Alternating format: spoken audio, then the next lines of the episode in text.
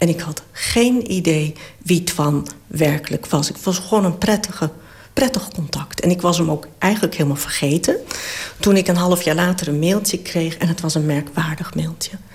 Ik delete snel van onbekenden. Heel snel zelfs. En dit mailtje, ik begon het een paar keer te lezen. Ik dacht, maar wie, wie is dit dan? En wat wil hij nou precies vertellen? Het was informatiedicht. Het was uh, ondaan van iedere sociale saus. En heel langzaam drong het, drong het tot me door. Maar dat was de jongen van het ijs. En ik heb spontaan gereageerd. En zo is een vriendschap ontstaan. En op welk moment tijdens die vriendschap... Uh, vertelde hij je van... Nou, ik, ik, uh, ik heb al heel lang last van schizofrenie. Ik heb in inrichtingen gezeten. Ik heb een paar psychoses gehad. Wanneer werd dat allemaal duidelijk? Direct. Niet op het ijs, want dat was alleen maar casual. Maar de allereerste keer dat ik ook spontaan bij hem langskwam... ik stond in de file, had hoofdpijn, wilde eruit. Ik zag de plaatsnaam van zijn... Uh, een bord met de plaatsnaam waar hij woonde. En ik dacht, ah, dan ga ik hem even opzoeken. En mijn oog viel toen ik binnenkwam op een foto, een zwart-wit foto. En die vond ik zo mooi en ik liep op die foto af. Ik zei, wauw, prachtig, maar wat een angst straalt daaruit. Wie is dit? En wat een knappe vent. Hij zei, dat ben ik. Ik heb heel lang in de bagger gezeten. En toen heeft hij direct verteld... ooit ben ik gediagnosticeerd, zus en zo. Hele ellendige periode gehad. Maar ik ben er bovenop gekomen. Dat was in het korte boodschap. En vervolgens, we werden vrienden. We gingen veel mountainbiken, schaatsen, skileren. En iedere keer weer pakte hij iets van zijn tekeningen... van zijn schriftjes, van zijn registraties, zijn visualisaties... en ging weer vertellen, of van zijn brieven... om te vertellen over die geschiedenis. En zo heb ik in die eerste vijf jaar stukje bij beetje alles gehoord. Nou, even recapitulerend. Kijk, ik ken jou omdat ik je voor mijn televisieprogramma al eens heb gesproken... op de radio ook, over andere boeken. Maar mensen die jou nu voor het eerst horen, die denken... hé, hey, wacht even, ze ontmoet iemand op het ijs... En vervolgens komt ze met die persoon in contact via een merkwaardige mail. Dan is ze op een gegeven moment op, hè, staat ze in de file, ze heeft hoofdpijn... en ze denkt, hé, hey, daar woont die man, daar ga ik eens lang. Dit klinkt allemaal, hoe zou je dat willen omschrijven? Dat ik zelf ook een beetje gek ben. En dat was voor hem misschien een hele geruststelling. Hij heeft ook wel eens in de gesprekken gezegd... wie is er nou gek, jij of ik? Ik ben daar heel spontaan in. Zo werk ik ook op een reis. Intuïtief, ad hoc. Ad hoc was overigens een woord waar hij helemaal niet van gediend was... want hij was een uit, uitermate gestructureerd leven wat hij leidde... wat hij ook heel hard nodig had. Dus ad hoc was in eerste instantie zoiets van... wat overkomt me nu? Maar het is wel uh, mijn manier van uh, contact leggen. Nu heb, je dat, ja, nu heb je dat leven van hem. De ondertitel is ook... Het, de titel is Vandaag koop ik alle kleuren. En het ondertitel is het levensverhaal van een man en zijn psychoses. Ik heb hier een vraag over. Even, maar eerst even over die titel. Vandaag koop ik alle kleuren. Dat, dat, is, dat, dat speelt ook een rol in het boek, hè? Een grote rol. Hij is zeer creatief geweest, juist in die aanloop naar de psychosetijd. Ook nog tijdens de psychoses en toen is het stilgevallen. Hij heeft het proberen op te pakken na decennia... met wat meer mathematische uh, figuraties. Uh, ook mooi, maar met harde lijnen. Totaal anders dan die bloederige tafereelen die daarvoor waren. Uh, wat heel menselijk gericht was en daarna helemaal abstract. Maar niet meer waar hij trots op was of waar hij mee uit de verf kwam. Hij schoffelde dat onder als dat was niks meer. En hij voelde een enorme noodzaak om wel weer te gaan schilderen. En het lukte hem maar niet. Het bleef steken bij voorbereidingen en verder niks. Een van zijn motivaties om, om met dit boek eigenlijk te starten... want het is zijn initiatief geweest... hij wilde heel graag onderdeel zijn van een creatief proces. En dat kon hij doen omdat ik totaal afhankelijk was van hem bij het boek. En dan kon hij er met zijn neus bovenop zitten. Uh, ik heb ook heel transparant met hem gewerkt. Want hij zei, ik kan zelf niet meer creatief zijn... Maar dan kan ik tenminste onderdeel zijn van een creatief proces. En een andere motivatie was dat zijn leven daarmee zin zou krijgen de ervaring op zich. En het resultaat, want naar de titel, is dat toen hij de eerste versie las in het Roland Holsthuis, want daar heb ik me een maand teruggetrokken, heb ik hem het laatste weekend uitgenodigd. Toen heeft hij heel ontroerd de eerste versie gelezen en uh, meteen daarna is hij uh, schildersdoek en verf gaan kopen. En hij is weer gaan schilderen, prachtig gaan schilderen. Totaal anders dan wat we uit zijn jeugd kennen. heel mooi. En bijvoorbeeld ook animatiefilmpjes gaan maken, wat heel moeilijk is. Hij is langzaamaan, begon hij weer op stoom te raken. Op dreef te raken. Ja, vandaar dus, vandaag koop ik alle kleuren. Van alsof die en dat klinkt heel romantisch, maar hij heeft het zelf zo gezegd... alsof hij door het maken van dat boek, het vertellen van zijn verhaal... opeens op een, op een zekere manier ook bevrijd was. Hij was bevrijd, het was een overwinning. En door twee dingen. Het was een overwinning op zijn sociaal onvermogen. Zijn uh, beperkte sociale omgang met anderen, of vrijwel niet. Het, was een, het contact onderling was daarin een overwinning. Maar ook... Uh, uh, de, Even kijken, sorry, wat was je vraag? Ja, je raakt in de war omdat ik nu de computer uh, van je dichtklap. Want die begint een beetje raar te zoomen. Nou, het was een bevrijding van hem, voor hem dat, dat zijn verhaal was oh, opgetekend. het was, dat was het. Het was geen los zand meer, zijn leven. Want daar had hij last van. Het was helemaal verbrokkeld, lag het als het ware als een puzzel van tienduizenden stukjes aan zijn voeten. Uh, en dat was gesymboliseerd door al die frutsels en aantekeningen en tekeningen. Maar nu was het een verhaal geworden. En zijn leven had daarmee in de ervaring op zich zin gekregen. Ja. En weet je, wat ik heel bijzonder vind aan je boek... en dat is ook de reden dat ik nu op dit moment hier in eh, Den Haag tegenover je zit... Uh, er gebeurt iets heel bijzonders met hem op een bepaald moment. En dat heeft met die schizofrenie te maken. Eerst even over schizofrenie. Er is nog steeds volgens mij niet echt een goede verklaring gevonden... door wie dan ook wat het is. Ik weet dat Jim van Os, een hoogleraar in Maastricht... miljoenen heeft gekregen om het uit te zoeken. Maar we weten het niet. Zit het in de hersenen? Is het de omgeving? Dat klopt. Uh, men weet het niet na 100 jaar nog niet. Het zal wel een interactie zijn tussen genen, sociale omgeving en het brein. Maar daar gaat het boek uiteindelijk ook niet over. Het gaat juist over de mens. De mens erachter. Want al die discussies gaan uiteindelijk over... Uh, om een verklaring te vinden. En dat heeft Twan zelf ook gestoord. Van ik ben meer dan een etiket. Ik ben meer dan een ziekte. Ik ben een mens met een karakter. En hij heeft het ook op karakter. Heeft hij eigen copingmechanismes ontwikkeld... om de schizofrenie de baas te worden. Voor een zeer groot deel. Wat ik heel knap vind. En juist die innerlijke kracht is voor mij een drijfveer geweest... om het boek te schrijven. De persoon achter de stoornis. Ja, maar kijk, en dat is wat ik dan intrigerend vond. Hij neemt, want Kijk, we weten dus nog steeds niet goed wat voor ziekte het is. We weten wel hoe we labels moeten plakken op mensen die het hebben. Maar hij besluit op een bepaald moment om een, om een masker op te zetten. En dat, dat zegt ook iets over schizofrenie. Dus hij is in staat om, nou ja, leg het maar uit wat hij doet. Ja, hij zet een masker op. Heeft alles te maken met het gevoel van buitengesloten te worden... wat hij al in zijn jeugd heeft. Hij werkt op het slachthuis, wordt buitengesloten door de andere kinderen... sluit zich ook zelf buiten in de latere fase van studeren. Hij heeft op de Academie voor Bouwkunst gezeten, TU Delft een jaartje... Uh, hij is altijd bezig met het thema buitengesloten worden. Na een gedwongen opname in de inrichting wordt hij nagejouwd... van Antonius van, van, van Padua, et cetera. En dat na, bij dat najouwen denkt hij... ik zorg dat ik vanaf nu niet meer te lezen ben. Ik trek een panzer op, zodat ik geen mes in de rug kan krijgen. Dat er niets meer tegen me gebruikt kan worden. Een masker, dat ik niet meer te lezen ben. En hij verzwijgt dan tegenover iedereen.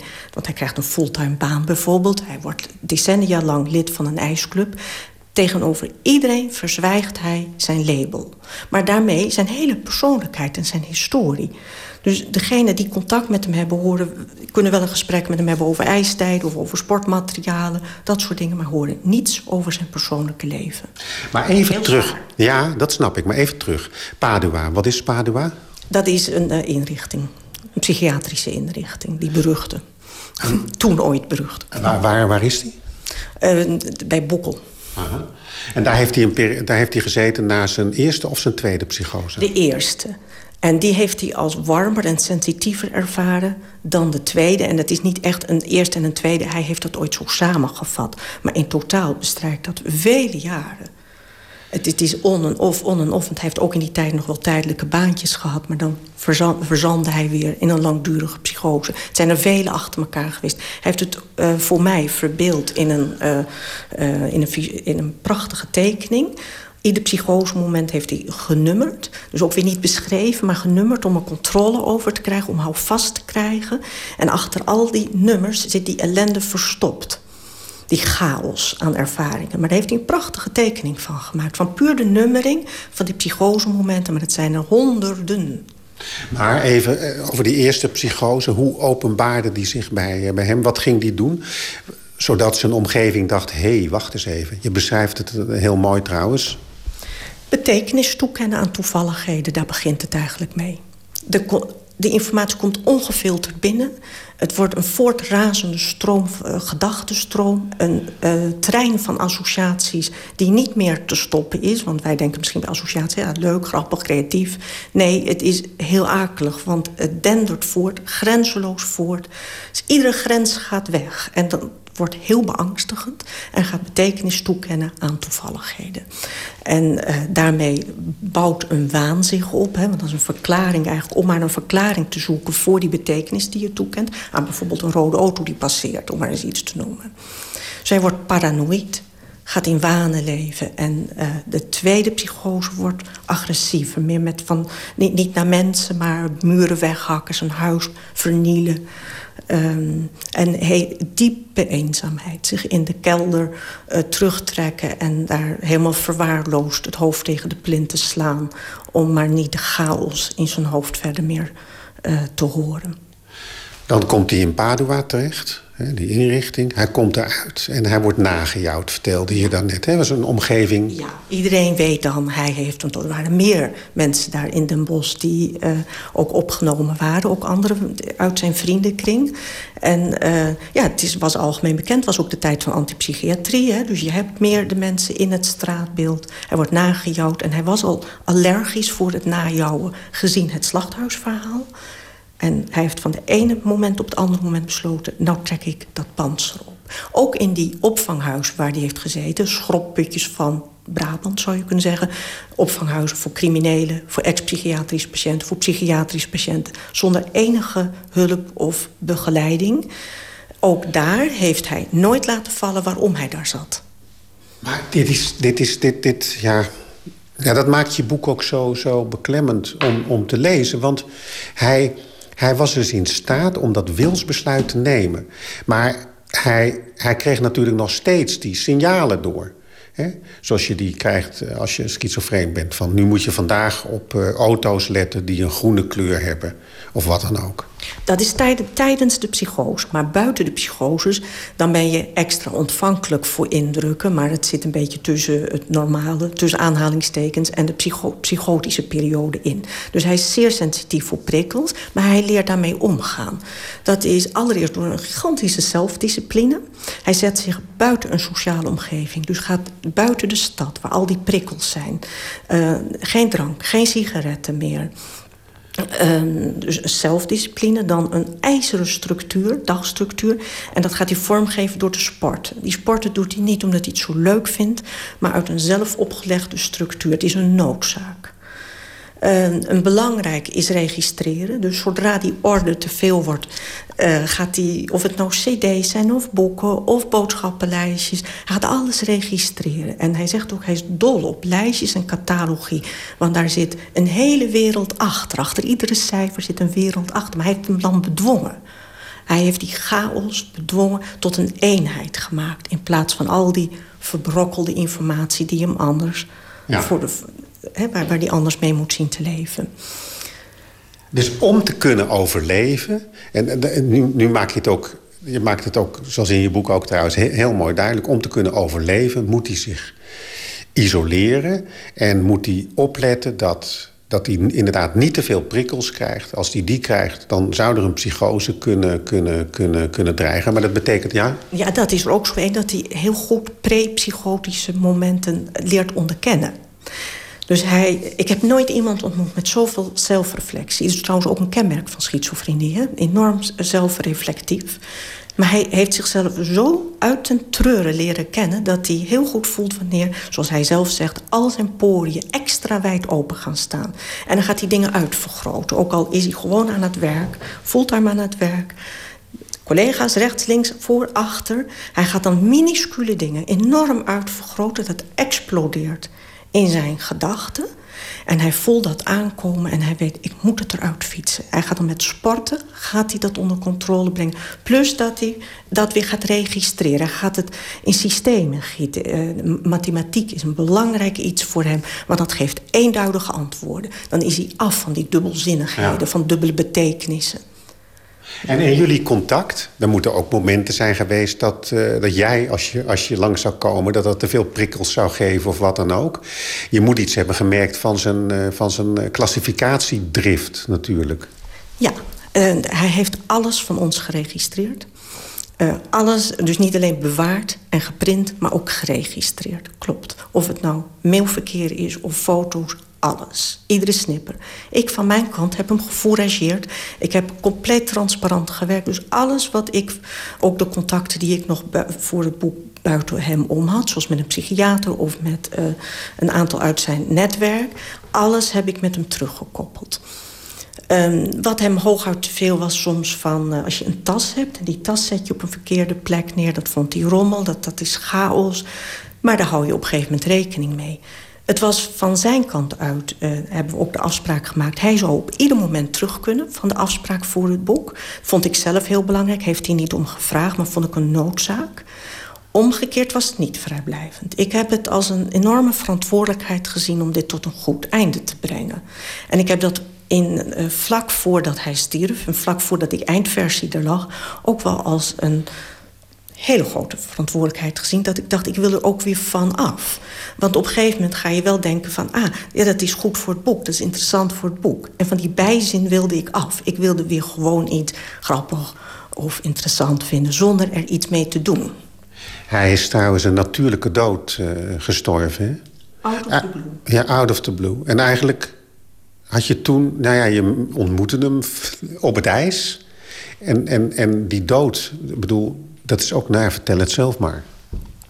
Dat is heel pijnlijk, want hij was zeer gezond, leeft dus zonder drank, zonder sigaretten, heel sportief. En uh, hij is wel, vanaf het eerste moment dat ik hem heb ontmoet, heeft hij wel als een feit, als een voldongen feit gezegd: ik word zo'n geval die maandenlang of een jaar lang in zijn huis ligt, dood, en niet wordt gevonden. En hij heeft het kort voor zijn dood nog een keer gezegd. En ik was zelfs wat geïrriteerd. Ik zei, nou ja, we hebben zo ontzettend veel contact. Zeg dat nou niet. En ik heb hem binnen 24 uur gevonden. En puur op intuïtie. Dat ik, eh, ik had geen enkele aanleiding om... Ik heb ook op weg naar hem toe, want ik moest natuurlijk naar hem toe rijden... geen moment gedacht dat hij gestorven zou zijn. Alleen maar dat ik gek was. Maar ik heb hem wel heel erg dood aangetroffen. Weet je wat ik tenslotte graag aan je wil voorleggen? Liewe de Haan, hoogleraar psychotische stoornissen van het AMC... die zegt iets, iets heel moois en treffends over je boek. Dat jullie door jullie manier van werken, dat verhaal van hem vertellen... een scheiding der geesten hebben overbrugd. En schizofrenie is nog steeds een groot probleem. We hebben geen oplossingen voor. We, hebben, we weten niet waar het vandaan komt, isolement, de hersenen... Maar wat heeft jou dit nu geleerd over hoe je daarmee om moet gaan? Tijd nemen. Tijd nemen voor iemand, um, serieus nemen. Ik ben zelf eigenlijk bloedserieus. Dat hielp in dit geval heel erg. Ik ben onbevooroordeeld, anders zou ik al die rare reisboeken ook niet hebben geschreven. Andere, naar vreemde culturen. Dit was voor mij op een andere manier een vreemde cultuur. Maar buitengewoon boeiend. Tijd nemen, serieus nemen. Iemand niet bij voorbaat afschrijven in een samenleving... waar iedereen maar een geslaagd leven moet leiden. Hij heeft gekozen voor de periferie. Niet omdat hij niet sociaal was, maar om ermee om te kunnen gaan met zijn eigen stoornis. En ik vind dat bewonderenswaardig om in de coulissen toch een bevredigend leven te leiden. Hij was niet op zoek naar geluk namelijk, maar wel naar zingeving. En dat heeft hij wel gevonden. En onder andere, of nee, juist, uiteindelijk door het boek. Dat was voor hem meest zingevend.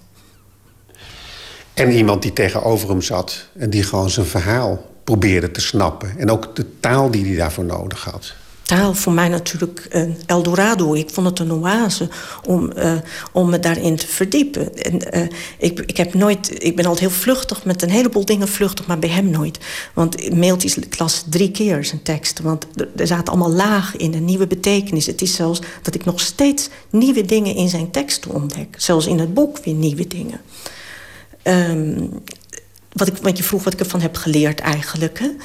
Uh, dat het de moeite waard is om stil te staan bij dit soort verhalen. En niet af te doen. Ik zou het zelf ook nooit hebben gedaan, want ik kom uit een, een nest van psychologen. Ik heb nooit iemand gek gevonden of abnormaal. Het is heel boeiend om je te verdiepen in een andere gedachtenwereld... die ook jouw gedachtenwereld zou kunnen zijn... als het lotje eens een keer tegen zou zitten. Want wie is er niet bang voor controleverlies... voor alleenstaan, voor buitengesloten worden? Dat zijn emoties die wij allemaal delen. Vanuit Den Haag hoorde u Wim Brands op bezoek bij schrijfster Karin Anema. En haar boek Vandaag koop ik alle kleuren is uitgegeven bij uitgeverij van Gennep. Soulmuziek gaan we draaien. Ze was vooral succesvol in de jaren 60 en 70. De soul- en gospelzangeres Laura Lee. En uit die eh, periode, haar hoogtijdagen, hoort u het volgende nummer. It's all wrong, but it's all right.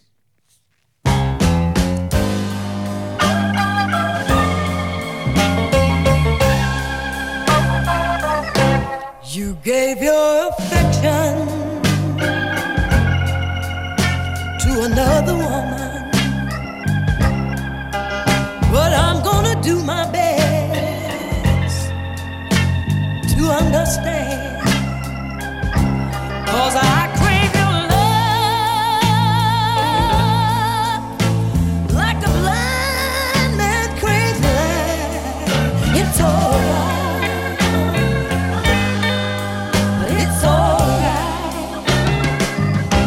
Temptation keeps calling,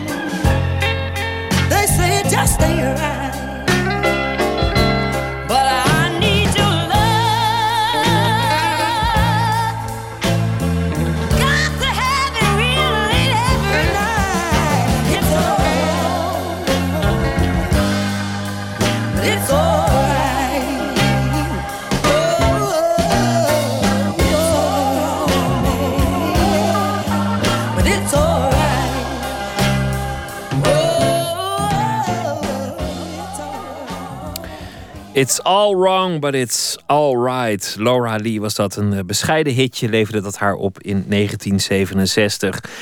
Straks in het eh, tweede uur van Nooit meer slapen kunt u luisteren naar een zelfportret aan de hand van iemands botten en schedel. Dat is uh, het genre waar Caspar Berger zich uh, in verdiept. Portret van de artiest als een dode man. U krijgt advies bij slapeloosheid van filmmaker Jos de Putter. En u kunt luisteren naar een radiostation dat speciaal is gemaakt bij een beeld van Auguste Rodin, gemaakt door kunstenaar Arnoud Holleman. U kunt ons ook bereiken via Twitter, VPRO-NMS en via de mail nooit meer slapen vpro.nl. En Maartje Wortel schrijft zometeen een verhaal. Althans, ze heeft het verhaal waarschijnlijk al af, maar ze draagt het zometeen voor op basis van de actualiteit speciaal voor ons geschreven. Tot zometeen.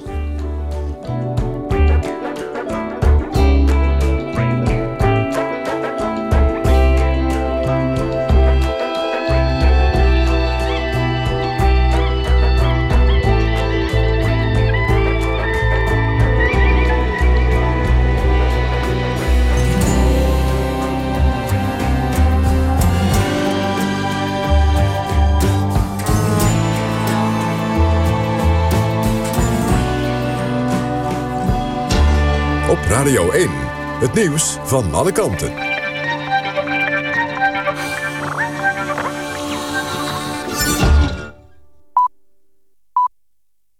1 uur, Marion Koekoek met het NOS-journaal. De gouverneur van New Jersey was op de hoogte van het afsluiten van een brug... om een burgemeester in de buurt dwars te zitten. Dat stelt een ambtenaar die bij de zaak betrokken was in de New York Times. De zaak is in de VS inmiddels Bridgegate genoemd. Gouverneur Christie zou boos zijn geweest omdat de burgemeester van Fort Lee hem niet wilde steunen in de campagne voor het gouverneurschap. Voor straf zou hij de George Washington Bridge hebben afgesloten, waardoor in Fort Lee een verkeerschaos ontstond. Christie heeft altijd ontkend dat hij ervan af wist en spreekt de aantijgingen ook nu tegen. De republikein Christie werd eerder genoemd als kandidaat voor de presidentsverkiezingen van 2016. Premier Rutte heeft nog geen afspraken met mensenrechtenorganisaties of met president Poetin in Sochi. Dat zei hij in het NOS-programma Met het oog op morgen. Rutte zei eerder in de Kamer dat hij tijdens zijn bezoek aan de Olympische Winterspelen heikele kwesties wil aankaarten. Hij heeft Poetin gevraagd om een afspraak voor een gesprek over de mensenrechten. Maar er zijn volgens hem nog geen nieuwe ontwikkelingen. Minister Schippers van Sport onderzoekt nog of ze tijdens haar bezoek aan Sochi met leden van de Russische homo-organisaties kan praten. Het mislukken van een landelijk akkoord over het afschieten van ganzen leidt regionaal tot verdere oneenigheid.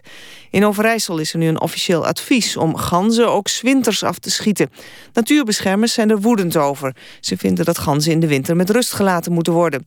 Boeren willen juist ook winters ganzen gaan afschieten omdat ze gewassen en gras kapot maken. Vorig jaar leek er een landelijk akkoord te zijn over ganzen... maar dat mislukte op het laatste moment. Staatssecretaris Dijksma zei erop dat er per provincie... een oplossing moet worden gezocht.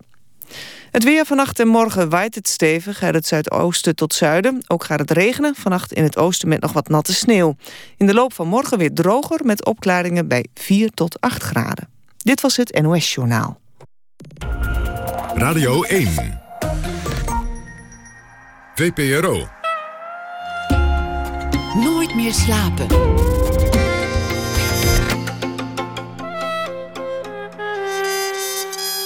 Met Pieter van der Wielen. Welkom terug bij Nooit meer slapen. U kunt ons bereiken via Twitter, VPRO NMS... en via de mail nooit meer slapen, VPRO.nl. U hoort straks uh, kunstenaar Casper Berger over zijn zelfportretten... op basis van zijn botten en schedel. U hoort ook uh, de manier waarop Jos de Putter, filmmaker... zich door de nacht heen worstelt als de slaap niet wil komen. En uh, we gaan praten over Auguste Rodin. Bij een beeld van die Rodin is een radiostation bedacht... Onze verslaggever eh, gaat luisteren naar dat eh, radiostation. Maar we beginnen met Maartje Wortel, schrijfster van een eh, boek dat net uit is. haar tweede roman alweer, IJstijd. Zij schrijft speciaal voor ons een verhaal op basis van iets dat haar die dag heeft bezighouden in de actualiteit. Hallo Maartje. Hoi Pieter, hoi, goedenacht. Ja, goeie, nacht. Jij houdt altijd van de kleine berichten in het nieuws, niet van de hele grote verhalen. Dus die, die open brug die heeft jou waarschijnlijk ook een beetje plezier bezorgd. Uh, ik heb de open brug, moet ik eerlijk zeggen, geheel gemist. Wat was er met een open brug? Oh, er was een, een, een politicus in, in de Verenigde Staten... die had een, een brug laten afsluiten om een andere politicus te pesten... zodat hij er niet langs kon en impopulair zou worden. En intussen heeft daar heel lang al, al het verkeer vastgestaan... en er is zelfs iemand overleden omdat de ambulance niet zo snel naar de andere kant kon... terwijl hij een hartaanval had. En nu is dus gebleken dat het uiteindelijk allemaal was... omdat twee politici elkaar liepen te pesten.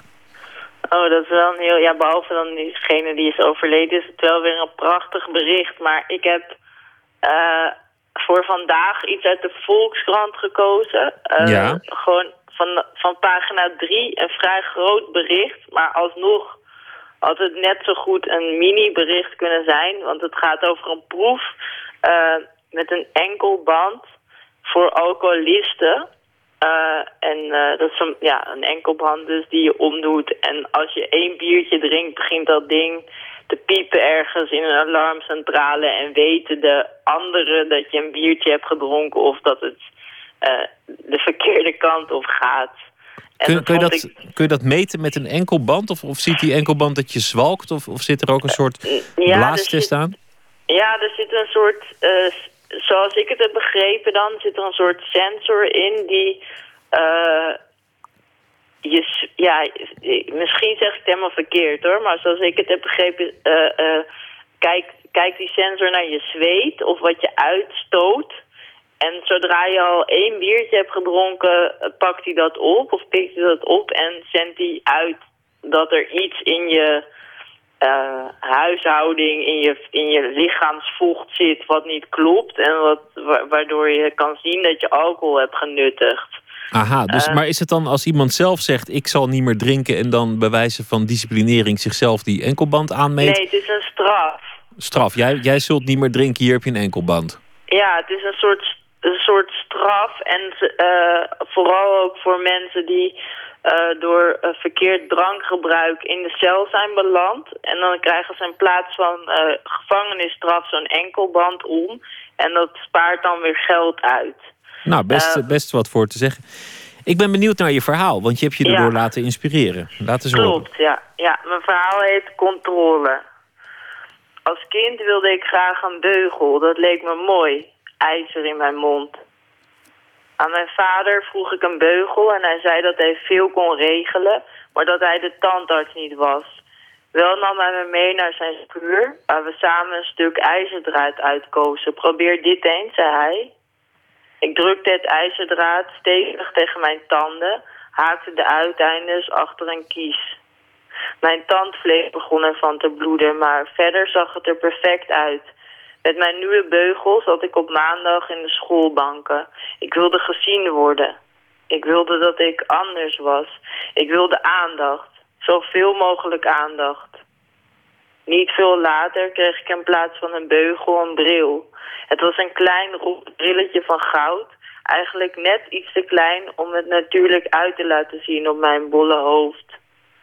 En pas toen begon ik het begrip schaamte te snappen. Of, zoals ze dat in de volksmond zeggen, ik verloor mijn onschuld. En ik geloof dat daar de kiem is gesmoord voor de drank. Whisky, wodka, jenever, gin, rode wijn, bier. Het maakte me eerlijk gezegd niets uit. Als ik de kans maar kreeg om min of meer te verdwijnen.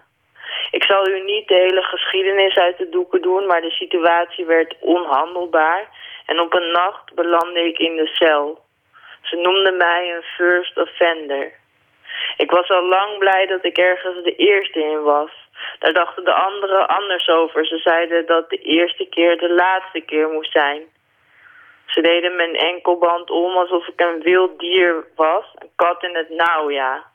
De mensen loeren. Ze beginnen bij mijn voet en laten hun blik langzaam omhoog leiden tot ze bij mijn ogen zijn aanbeland. Dan laat ik een harde boer en zeg, wat moet je? Mooi. Ik vind het, ik vind het toch ook wel gaaf, zo'n zo'n enkelband. Om, omdat ik denk, stel dat je het niet onvrijwillig doet. Hè. Mensen hebben heel weinig discipline. Het is nu eh, eind januari. Alle goede voornemens zijn al lang het raam uit.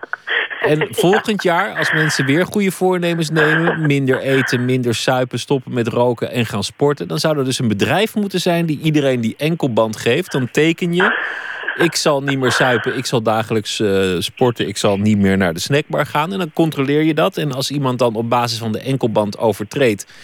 komt er dan een functionaris van dat bedrijf... die jou aan je voornemen houdt Ja, kwaadschiks, je maar je hebt het zelf op je hals gehad. Als je zelf geen discipline hebt, dan moet een ander het maar doen. Ja, Ik zie een gat in de markt. ja, ja. Je hebt het wel heel mooi eh, in één, in één zin of een paar zinnen goed gepraat. Eh, ja, ja, mij lijkt het eerlijk gezegd vooral heel interessant, zo'n enkelband. Omdat je heel vaak niet eens weet, toch? Tenminste, om voor mezelf te spreken, weet ik heel vaak... besef ik niet wat mijn gedrag is. Dus als je dan zo'n enkelband om hebt, die deed het zegt... oh, oh, je drinkt een bier of doe dit... dan weet je ineens, oh, ik doe dit. En dat, dat kan al heel erg helpen om te weten dat je op een bepaalde manier te ver... ook al ga je niet te ver. Of klinkt het nu heel vaag? Nee, het klinkt helemaal niet vaag. Dat, Ja. dat is, eh, ja, nou, sommige mensen hebben ketenen in hun hoofd. En anderen hebben gewoon een enkelband. Ja, En zo, eh, zo komen we verder. Maartje, het was, eh, het was gezellig deze week. Ehm, ja, vond ik ook. Graag tot een volgende keer. Ik noem nog even de titel van je boek, IJstijd. Ik heb hem Ja. gekocht. Ik heb hem nog niet gelezen, maar hij ligt op mijn nachtkastje. Oh, fijn. En Ik- fijn weekend voor iedereen ook. Iedereen die luistert en die toevallig Ja. weekend heeft, namens Maartje Wortel, wens ik u allen een heel fijn weekend. Maartje, dank je wel. Jij ook. Dag Pieter. Doeg. Twee weken geleden verscheen het eerste echte album van Geppetto and the Whales. Heeft ook een mooie titel, Heads of Woo. En daarop staat een nummer met de titel 1814. En dat is gebaseerd op een waar oorlogsverhaal. We gaan er maar naar luisteren.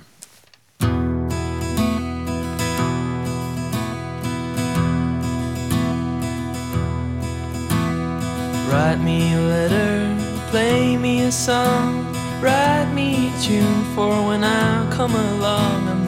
Town, and home is where I'll stay.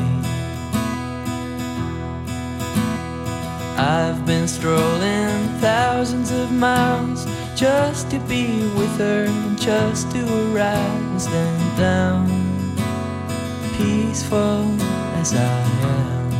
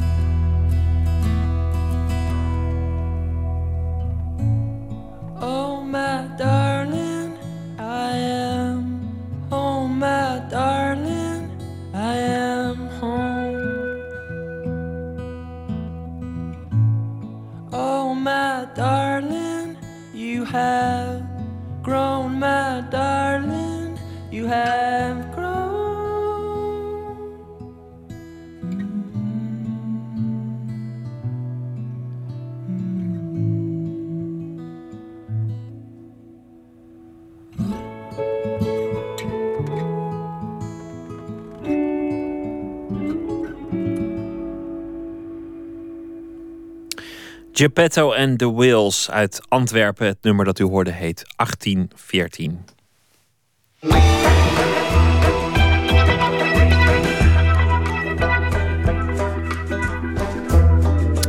U luistert naar Nooit meer slapen. Het zelfportret is voor kunstenaar Caspar Berger een oneindige bron van inspiratie. De laatste twee jaar brengt hij het nog iets verder en maakt hij werk van zijn eigen botten. Of althans van botten die een exacte kopie zijn van zijn eigen skelet en schedel. In Museum Beelden aan Zee in Scheveningen is vanaf dit weekende zijn Skeleton project te zien. En Nicolaou bekeek samen met de kunstenaar zijn botten.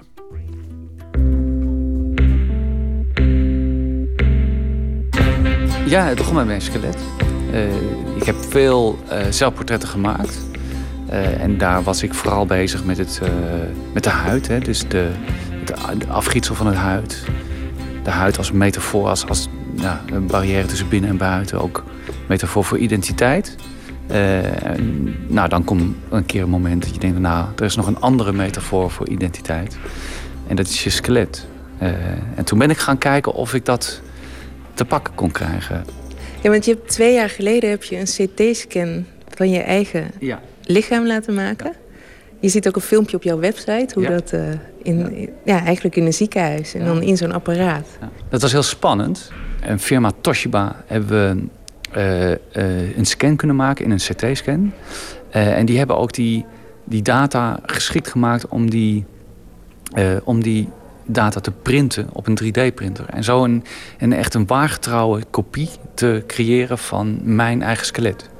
Eh, en dat is natuurlijk ja, heel vreemd, omdat je in één keer dat symbool, dat beladen symbool in handen hebt.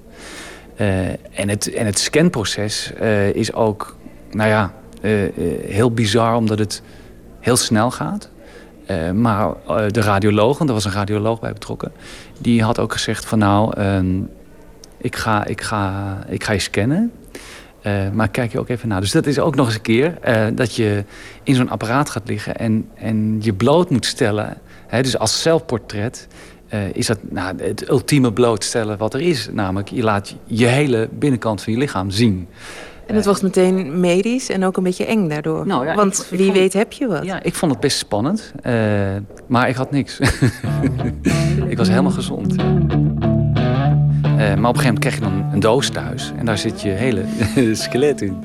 En dat, ja, dat is natuurlijk heel vreemd. eh, want in één keer heb je die beenderen en heb je die, ook de schedel. En eigenlijk die schedel is het meest confronterend. Eh, maar goed, dat is iets wat eh, misschien een half uur zo is. En daarna went dat heel snel. En wat ik gemerkt heb, is heel gek. ehm, vaak ligt het op de tafel. Ehm, en er waren mensen op bezoek in de studio. En die keken daarnaar. En dan ging je koffie drinken. eh, en dan lag er een bot of een schedel. En die mensen gingen ongemerkt gingen ze die dingen aaien. Dus die, eh, eh, blijkbaar wil je daar dus aan zitten. We hebben het allemaal in ons. Hè? Dus de, het is iets wat eigenlijk heel normaal is. Alleen ja, je, je kan het niet zien. Ehm, en, en, en daar is een soort ja, beladenheid omheen, die natuurlijk met de dood te maken heeft. Maar het, het is iets wat veel meer over het leven gaat. En het is gewoon een onderdeel van ons lichaam. En, eh, en dat leeft. En die botten liggen nu hier overal. In Ja. kunstwerken gegoten. Ja, ja, in allerlei verschillende vormen eh, en in gedaanten.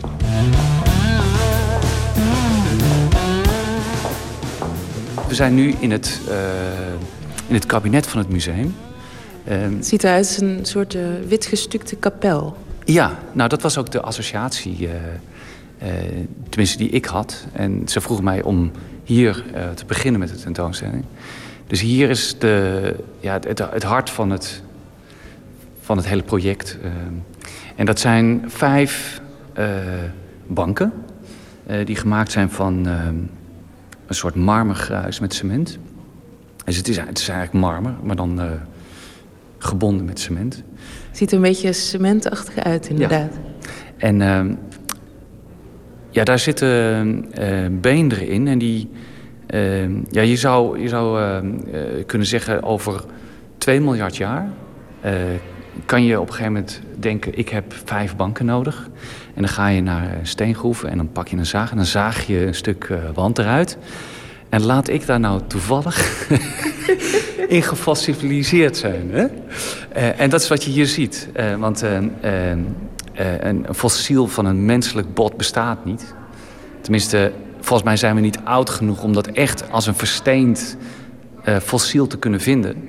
We kunnen natuurlijk wel heel oude beenderen vinden, maar zoals je beenderen van dinosauriërs vindt, bestaat van de mens nog niet. Dus we zijn nog niet oud genoeg. Maar dit is eigenlijk het perspectief wat je zou kunnen hebben over 2 miljard jaar op vandaag. Hè? Dus, eh, of op het moment dat, je de, dat ik eh, eh, zeg maar val en, en, mijn beenderen die, die worden opgenomen door de aarde en dat wordt langzaam versteend. En over 2 miljard jaar gaat iemand banken maken van natuursteen. En dan zit ik daarin. een stukje nek en een rib. sleutelbeen. En dit is een, is een boven, hè, dit is een, eh, een dijbeen. En je plaatste in een soort kerkbanken toch? Nou ja, de, de, de, de, de meeste mensen hebben die associatie wel. Omdat je ook kijkt naar een videoprojectie aan het eind van, de, ja, van het kabinet, zeg maar. En daar, eh, ja, dat, dat ziet er toch een beetje uit als een, als een altaarstuk. Dus die associatie, die eh, kan ik me wel voorstellen. En ik zie nu daar op dat eh, filmdoek botten en ballonnen door de lucht dwarrelen. Ja, de, ja, is een, een film, een loop, waarin ehm, ballonnen, transparante ballonnen, of luchtbellen, wat je maar zo, eh, die komen uit, eh, uit de wolken zetten. Nou, die wolken die zien er heel rustiek uit. En onder die ballonnen zitten 100, 170 stukjes bot. Zeg maar alle, alle beenderen ehm, die we hebben. Er zijn nog ietsje meer, ik geloof 220. Maar ik heb er, ehm, er zitten een aantal botjes zitten bij mij nog aan elkaar. eh, in de, maar die, die eh, komen uit de, uit de lucht. En die landen net voor de camera. Dus die komen, ja, dat hele skelet is aan het landen, zeg maar, als een soort... Ja, daar zweef jij eigenlijk. ja, ik, ja, ik kom. eh, eh, ik ga landen, zeg maar. Ik weet niet of ik er nou treurig of eh, vrolijk van moet worden. nou, ik, ik, ik moet er vooral vrolijk van worden. Het is een heel lu- luchtig werk. Hè? Ja, vind je dat belangrijk? Een, een soort van humor in je werk? Ja, ik, ik probeer wel. ehm, het, het zijn natuurlijk allemaal hele serieuze thema's, maar je, je kan dat heel zwaar maken. Maar ik, wil af en toe wel een knipoog. eh, je, moet wel, je moet wel kunnen lachen ook. Anders wordt het allemaal zo, zo serieus. Hè? Eh, we hebben het ergens eh, gewoon opgenomen. Ehm, maar het is wel zo dat, ze, dat die, die, die ballonnen zijn natuurlijk weggevlogen. En ik, ik vraag me af waar ze neergekomen zijn. Want op een gegeven moment komt er ook een schedel naar beneden en een, eh, een dijbeen. Dat zijn echt grote, grote eh, benen. Die wel heel, heel, van heel licht materiaal gemaakt zijn. Eh, maar ze zijn wel ergens naar beneden gekomen. En ik kan me voorstellen dat je, als je in de tuin zit, dat je op een gegeven, moment. Dus je En- bent en verspreid over de aarde. geweten, dan, dan zou je kunnen denken: hé, hey, is er iemand die mij iets wil vertellen?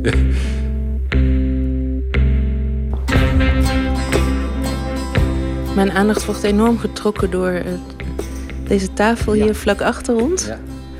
Eh, het is eigenlijk een hele eenvoudige tafel. Ja? Met daarop een schedel en een soort stil leven van twee vazen, een glas en een boek, Mhm. denk ik. Helemaal overgoten met rode zegellak. Ja.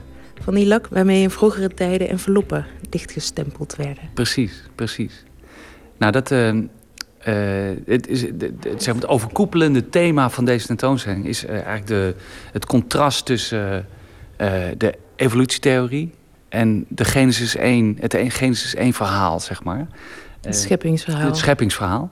Ehm, en nou ja, je zou kunnen zeggen dat de wetenschap van zo hard gaat dat je nou, tussen nu en afzienbare tijd zou kunnen zeggen dat eh, eh, wij zelf als mensen eh, straks op een wolk zitten met een grijs baard.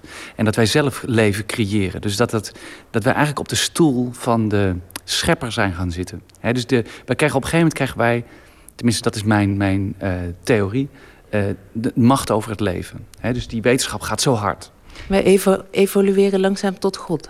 Nou, bij wijze van spreken. En als je nu de krant openslaat, dan, dan lees je eigenlijk iedere dag de, de, de ethische dilemma's die dat oplevert. Hè? Wie mag er beschikken over leven en dood? En hoe gaan we om met dat soort thema's? En toen ik met die tentoonstelling bezig was, dat was het eigenlijk de basis van het concept om deze tentoonstelling te maken.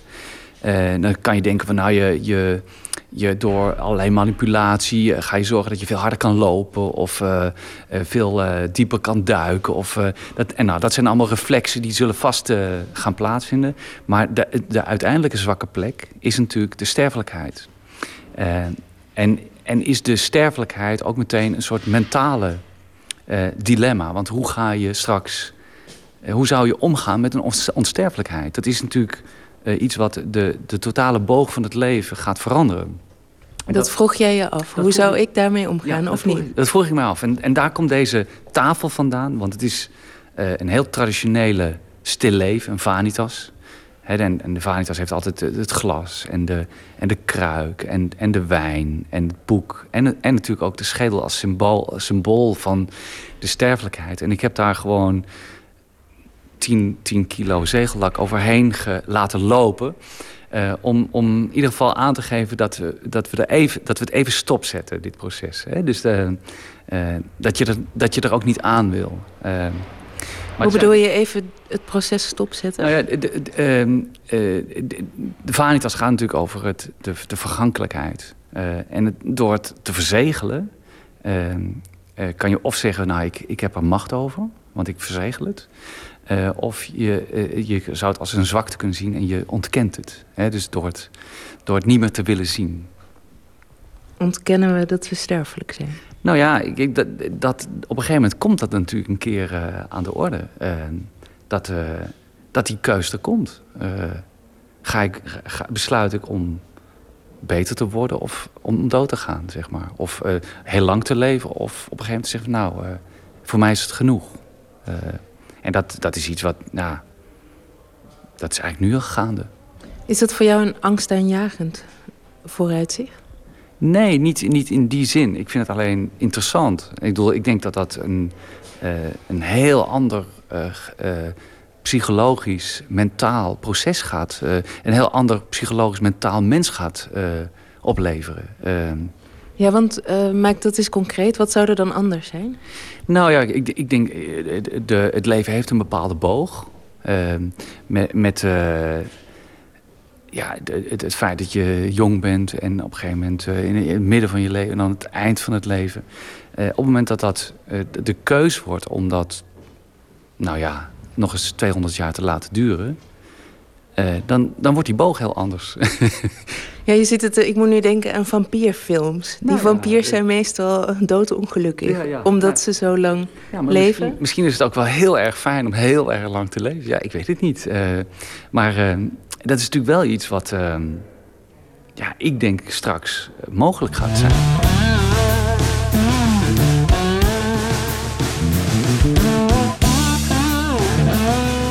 Wat is dit? Een poster aan Ja, de het, is, muur? het is een poster. Het is een poster van een eh, uitgeklapte medicijndoos. Je, je zou kunnen zeggen dat die... Nu wordt die... eh, de volgende stap is dat je hem stanst en dat je hem in elkaar plakt. Eh, en het is een... Ja, het is een medicijn. Tenminste, het is een poster van een medicijndoos. En die medicijndoos die, ehm, heeft een, een Latijnse titel. En die, die, die, dat komt neer op dat er staat dat het een reserveleven is. Hè? Dus het suggereert dat je eh, door medicijnen te nemen... eh, dat mocht jouw lichaam versleten zijn, hè? dus je beenderen versleten zijn... dat je gewoon een nieuwe, eh, een nieuwe laat groeien. Vita subsidiaria. Verlengd leven is dat. Nou, het is reserveleven, staat er. En deze is dan voor de calva, de schedel. En eh, er zitten 120 milligram eh, tabletten in.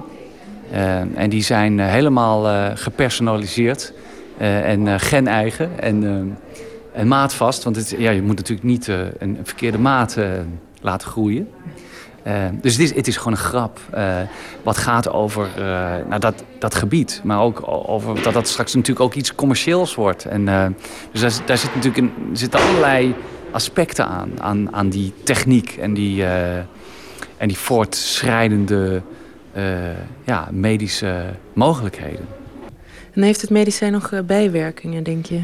Ja, nou, er zit een bijsluiter bij, die, uh, die ligt hier. Die moeten we nog ophangen. Oh, die moet je nog ophangen? Nog ophangen en daar, uh, ja, daar staan van allerlei dingen in. Hoe je het moet gebruiken en wat de dosering is. En, en dat je het ook niet moet nemen als je, een, als je inmiddels het euthanasieproces begonnen bent. En er zijn allerlei voorwaarden in die, wanneer je dat wel en wanneer dat niet goed werkt. En dat krijg je natuurlijk ook. Als je, als je eeuwig leeft, dan moet je uiteindelijk, als je er een einde aan wil maken, euthanasie plegen. Ja, dat, dat lijkt me dan wel. toch? Eh, want anders dan eh, blijft het maar doorgaan.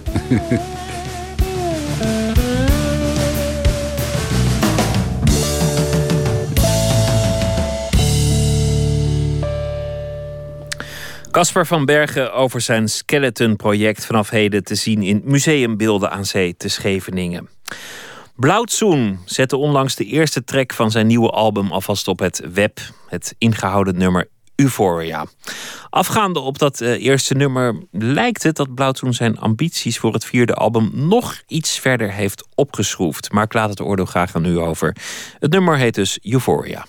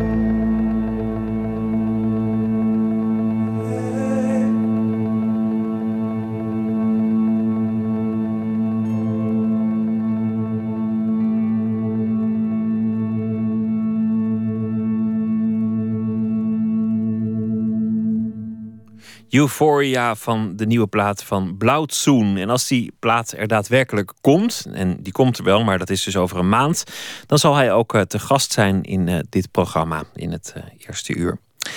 In de rubriek Door de Nacht vragen wij mensen wat hen door slapeloze donkere nachten heen helpt als die zich voordoen. It through the night. Vannacht leggen we die vraag voor aan documentairemaker en filmmaker Jos de Putter, van wie momenteel op het Internationaal Filmfestival in Rotterdam de film See No Evil te zien is. Een documentair essay over drie beroemde apen in rusten. Kijk, bij wat je door de nacht helpt, ehm, het gaat denk ik vaak over. Je kan het letterlijk nemen. Ehm, je kan, bijvoorbeeld, je kan niet slapen. Laten we, laten we zo eens beginnen.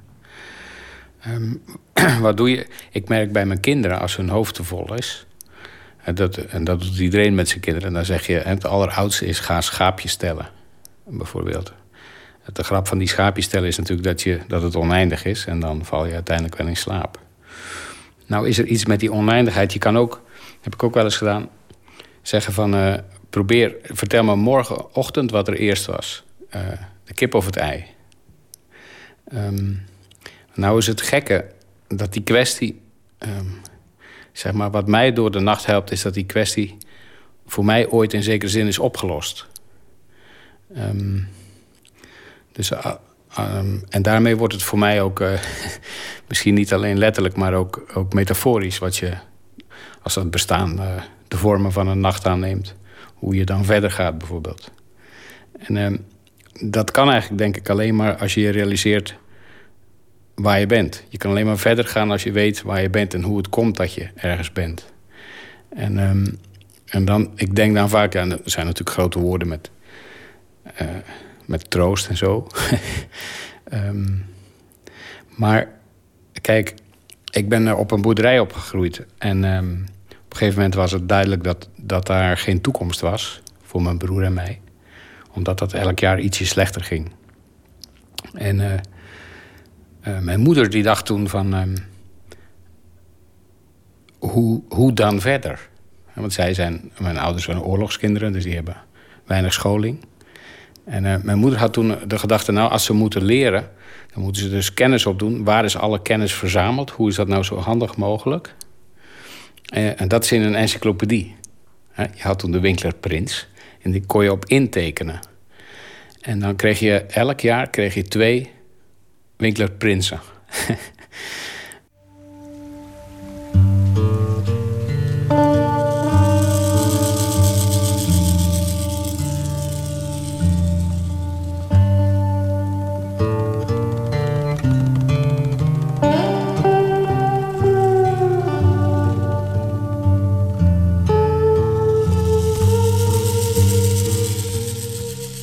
Ehm, maar goed, die moesten betaald worden.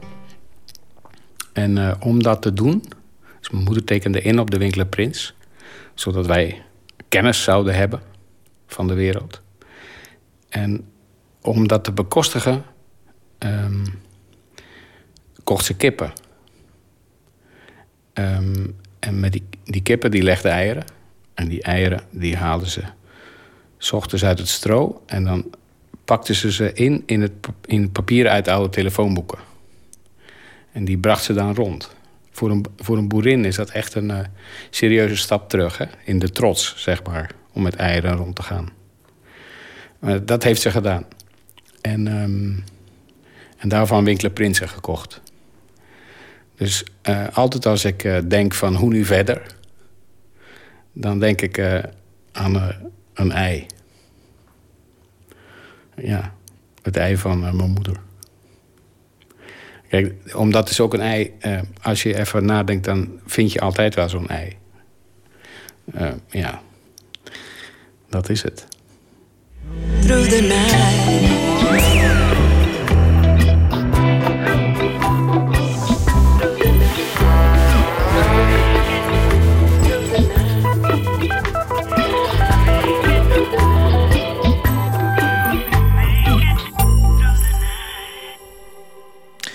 Filmmaker Jos de Putter. En op het Internationaal Filmfestival in Rotterdam kunt u zijn film See No Evil zien. Een documentair essay over drie beroemde apen in rusten. We gaan luisteren naar eh, een nummer van het nieuwe album van een Amerikaanse band, Young the Giant. Het nummer heet Firelight.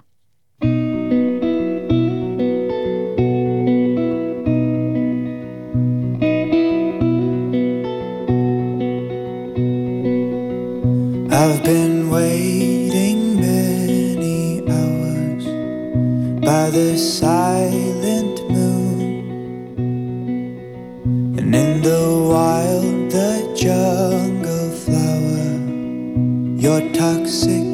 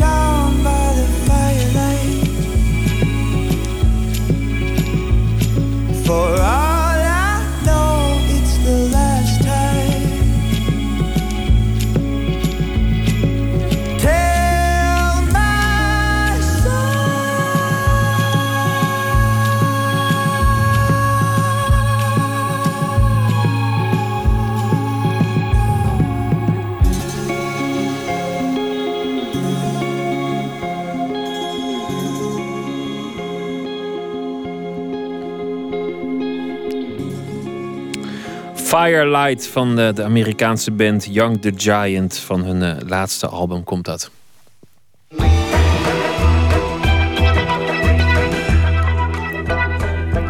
U luistert naar de VPRO op Radio 1 Nooit meer slapen.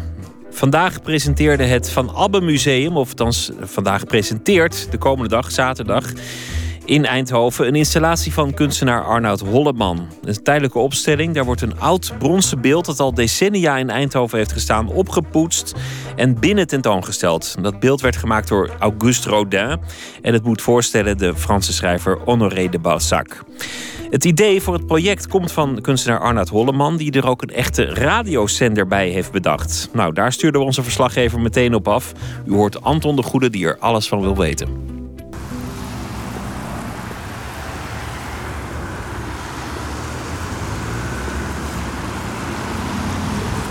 Goedemiddag. Hallo.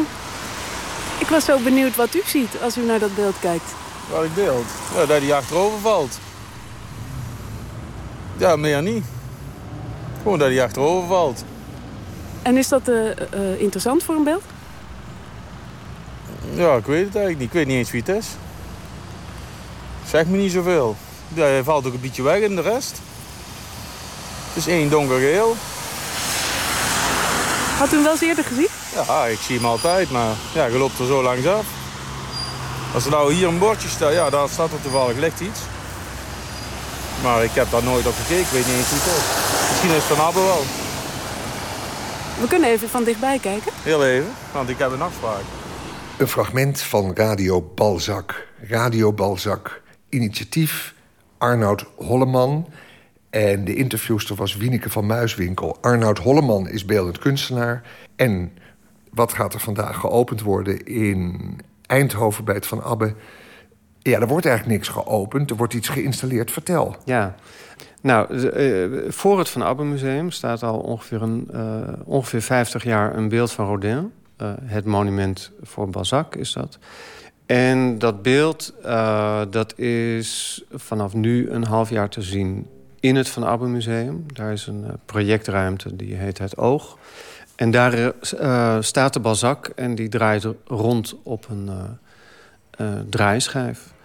Wat je gedaan hebt is een beeld dat al jarenlang daar onder het mos... en eh, waar honden tegenaan plassen, stel ik me zo voor... eh, in de buurt van het museum staat. Breng jij in het museum, je zet het op een, op een plek... waardoor het ronddraait en waarschijnlijk fantastisch belicht gaat worden. Why? Dat heeft ermee te maken dat ik ehm, in mijn werk eigenlijk al veel langer gebruik maak van bestaande beelden. En dat heeft er eigenlijk weer mee te maken eh, met wat ik vind dat je als kunstenaar zou moeten doen. Als kunstenaar is het zo vanzelfsprekend dat je steeds maar nieuwe beelden eh, maakt. eh, en nieuwe, dus ook nieuwe beelden toevoegt aan wat er al is. Eh, maar dat, is, dat levert een heel specifiek probleem op. Want die vernieuwing, kun je zeggen, dat is een soort manierisme. Weet je, als het steeds maar als, als een nieuwe niet nieuw meer is, wat dan wel? Mijn oplossing daarvoor is zeg maar, om werk te maken wat gaat over bestaande beelden. En ehm, wat je eigenlijk daarin, eh, eh, wat je, waar die werken allemaal over gaan, is dat, dat je nieuwe, met nieuwe aandacht naar bestaande beelden eh, kijkt. Ja, en waarom zoek je dan uitgerekend een heel eh, figuratief beeld van de Balzac? Zo'n Franse man met een soort... Ja, beschrijf hem eens, hoe ziet hij er eigenlijk uit? Ehm, nou, het is een menhierachtige vorm. Eh, het is, Een menhierachtige Ja, vorm? ja. De- de- dat wil zeggen, eh, hij heeft een, een, een grote hoepelande om zijn schouders gehang- gehangen. Een hoepelande, dat is een kamerjas. Die werd in de 19e eeuw veel gedragen... omdat binnen geen verwarming was. Ehm, en Balzac droeg die, omdat hij eh, eigenlijk dag in dag uit... eh, achter zijn tafeltje zat te schrijven. Ehm, dus dat hele lichaam dat gaat daar eigenlijk eh, onder de jas verborgen. En daarboven, uit, bovenuit die jas steekt een enorme ja, kop. Ik weet, eh, nie- niemand kan dat ding goed eh, beschrijven, want het is een heel, heel eh, groteske vorm. waarin je aan de ene kant meteen de Balzac kan herkennen, maar als je van dichtbij kijkt, is het eigenlijk alleen maar een, een soort kraterlandschap van dikke lippen, de ogen ontbreken, de- waardoor je een enorme schaduwwerking krijgt, waardoor die een geweldige expressie krijgt. eh. het, is eh, allemaal, het, zijn, bij- het is alleen maar oppervlak, is het. het, het eh, Ja, en het, het, is een beetje, ja, duidelijk een, een man van middelbare leeftijd... leidend aan overgewicht. Ja. Je zou dus kunnen zeggen, als je nu bij de Nederlanders kijkt... een soort AFTA van der Heide. Ja, ja, ja, ja, heel goed, heel zeker. Ja. En dan op, op dat sokkel. En, maar ik bedoel, het is zo figuratief afgebeeld. Je Ja. zou het, het is eigenlijk een beeld waar je normaal aan voorbij loopt, toch? Ehm, omdat het figuratief is? Nou, ik, ja, nee, ik weet het niet. Ik, ehm, nee, weet je, eh, beelden doen je spreken. Dat is heel raar. Dat is raar met beelden, met name beelden in de openbare ruimte. Die worden neergezet eh, met hoge idealen, eh, met allerlei bedoelingen. Weet je, het, Namelijk meestal als eerbetoon aan degene in kwestie. Precies, maar ondertussen moet het volk ook verheft. Weet je? Het, het volk wat er langs loopt, dat moet ook van kunst kunnen genieten. Ehm, maar goed, als dat ding dan eenmaal staat, dan eh, raken ze heel snel in vergetelheid. Bij dit beeld is, was het rare dat toen het neergezet werd, stond hij op een prachtig eh, eh, groen gazonnetje. En inmiddels is de omgeving zo ongelooflijk veranderd. De bomen achter hem zijn groot geworden. Dus zonder verplaatst te worden is hij eigenlijk gemarginaliseerd. En, ehm, Wanneer ging Eindhoven eigenlijk tot het besluit over... om een beeld van Rodin te plaatsen? eh, dat is midden jaren 60. En de jaren 60, d- dat is een eh, periode waarin eh, Rodin eigenlijk opnieuw ontdekt is. En wat ik het interessante eraan vind, is dat tussen...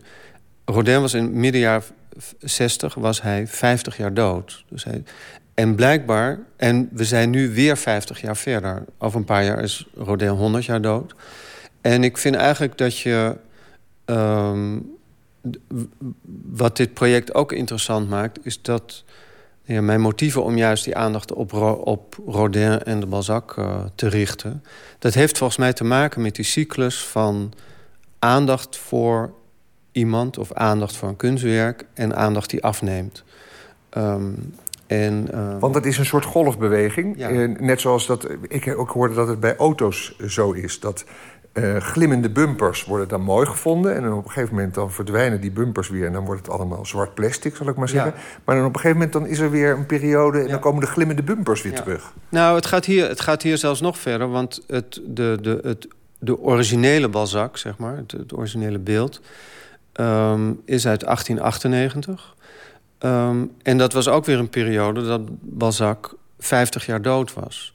Dus je, je ziet eigenlijk hier een soort cyclus van 50 jaar. Dus, ehm, Het zijn grote Franse namen. En het, de, de Balzac wordt geassocieerd met realisme in de literatuur. Waarom ben je zo gefascineerd door dat- door dat realisme? En zowel van de schrijver als van de beeldend kunstenaar.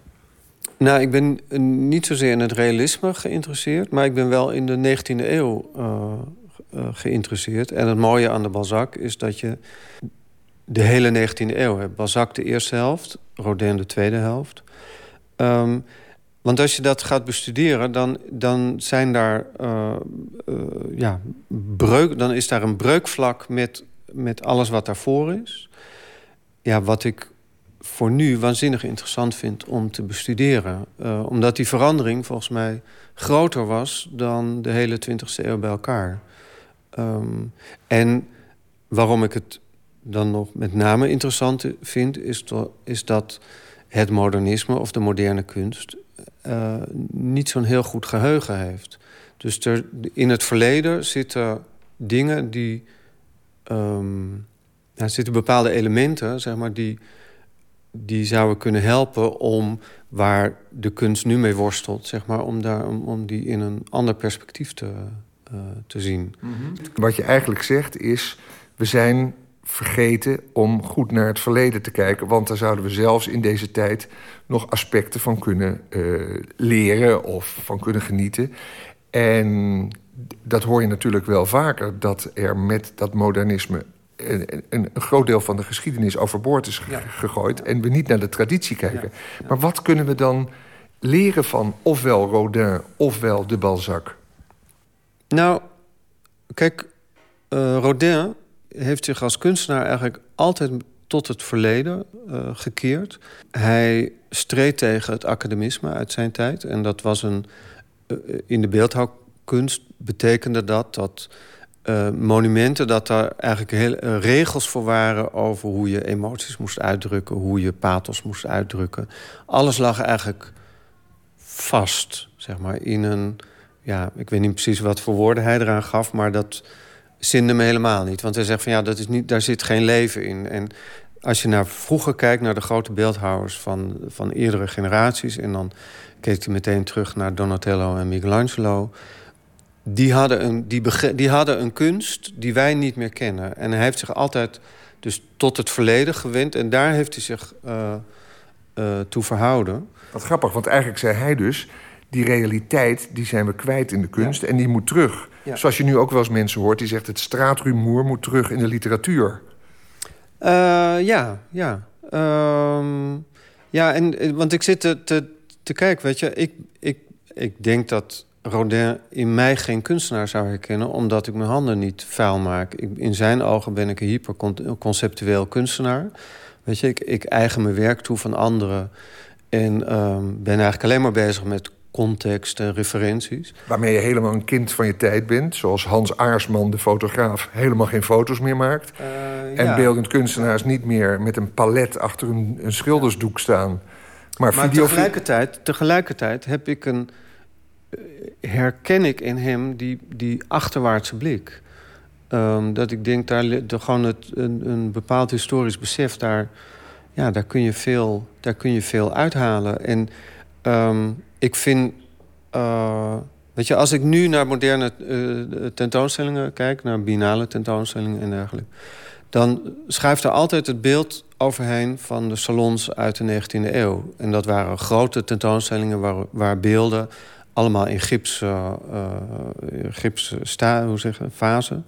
Er stonden er honderden naast elkaar. Allemaal in, die zijn allemaal totaal anoniem geraakt. En als ik zie hoe de kunst van nu zich, zeg maar, ja, ja, eh, lam gedraaid heeft in een hang naar vernieuwing. En eh, dan denk ik, ja, dat, ik wil daar zelf heel graag een alternatief voor ontwikkelen. Ontzettend leuk. En eh, zo gaan we dus de komende tijd met ingang vanaf vandaag, zaterdag, in het Van Abbe Museum re- reflecteren op de geschiedenis rond Rodin en de Balzac. Om na te denken over de hedendaagse kunst van nu. Fantastisch project. En dan nog even de vraag: wat doet Radio Balzac dan? Want die gaat meningen peilen onder de mensen. En we zijn begonnen net met dit straatinterview. Ja, wat, wat verwacht je dat daar uitkomt? Want je wilt dus kennelijk bezoekers mee laten discussiëren over dit soort onderwerpen. Uh, de eerste, zeg maar, wat, je, wat het effect is als je in Van Abbe staat, is, nou, je, je staat in die ruimte, het beeld draait rond.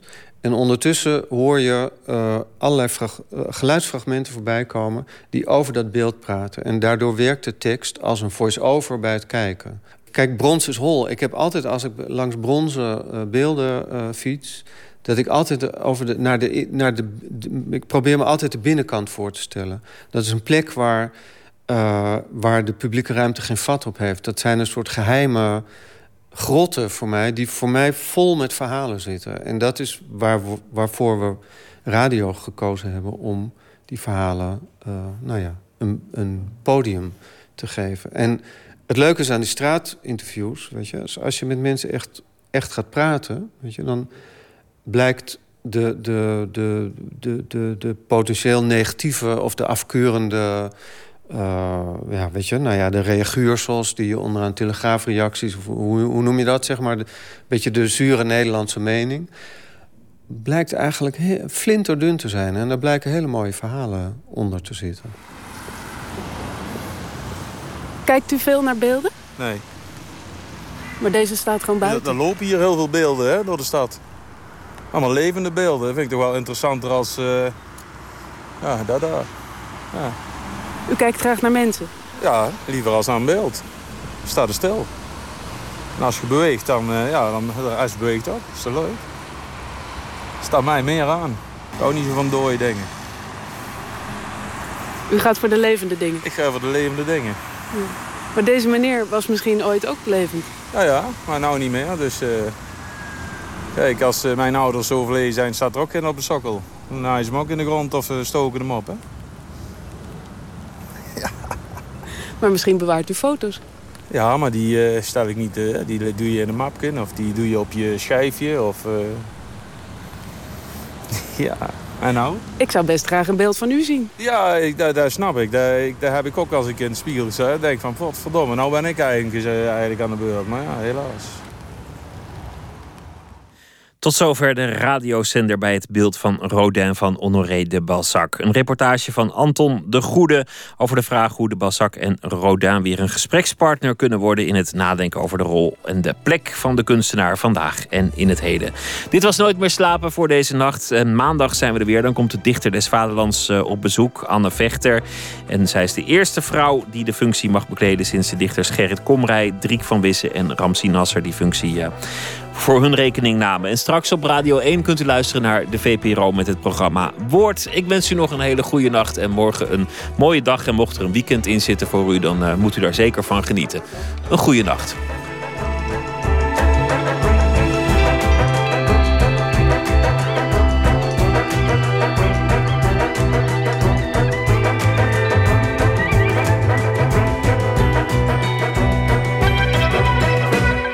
Op Radio 1. Het nieuws van alle kanten.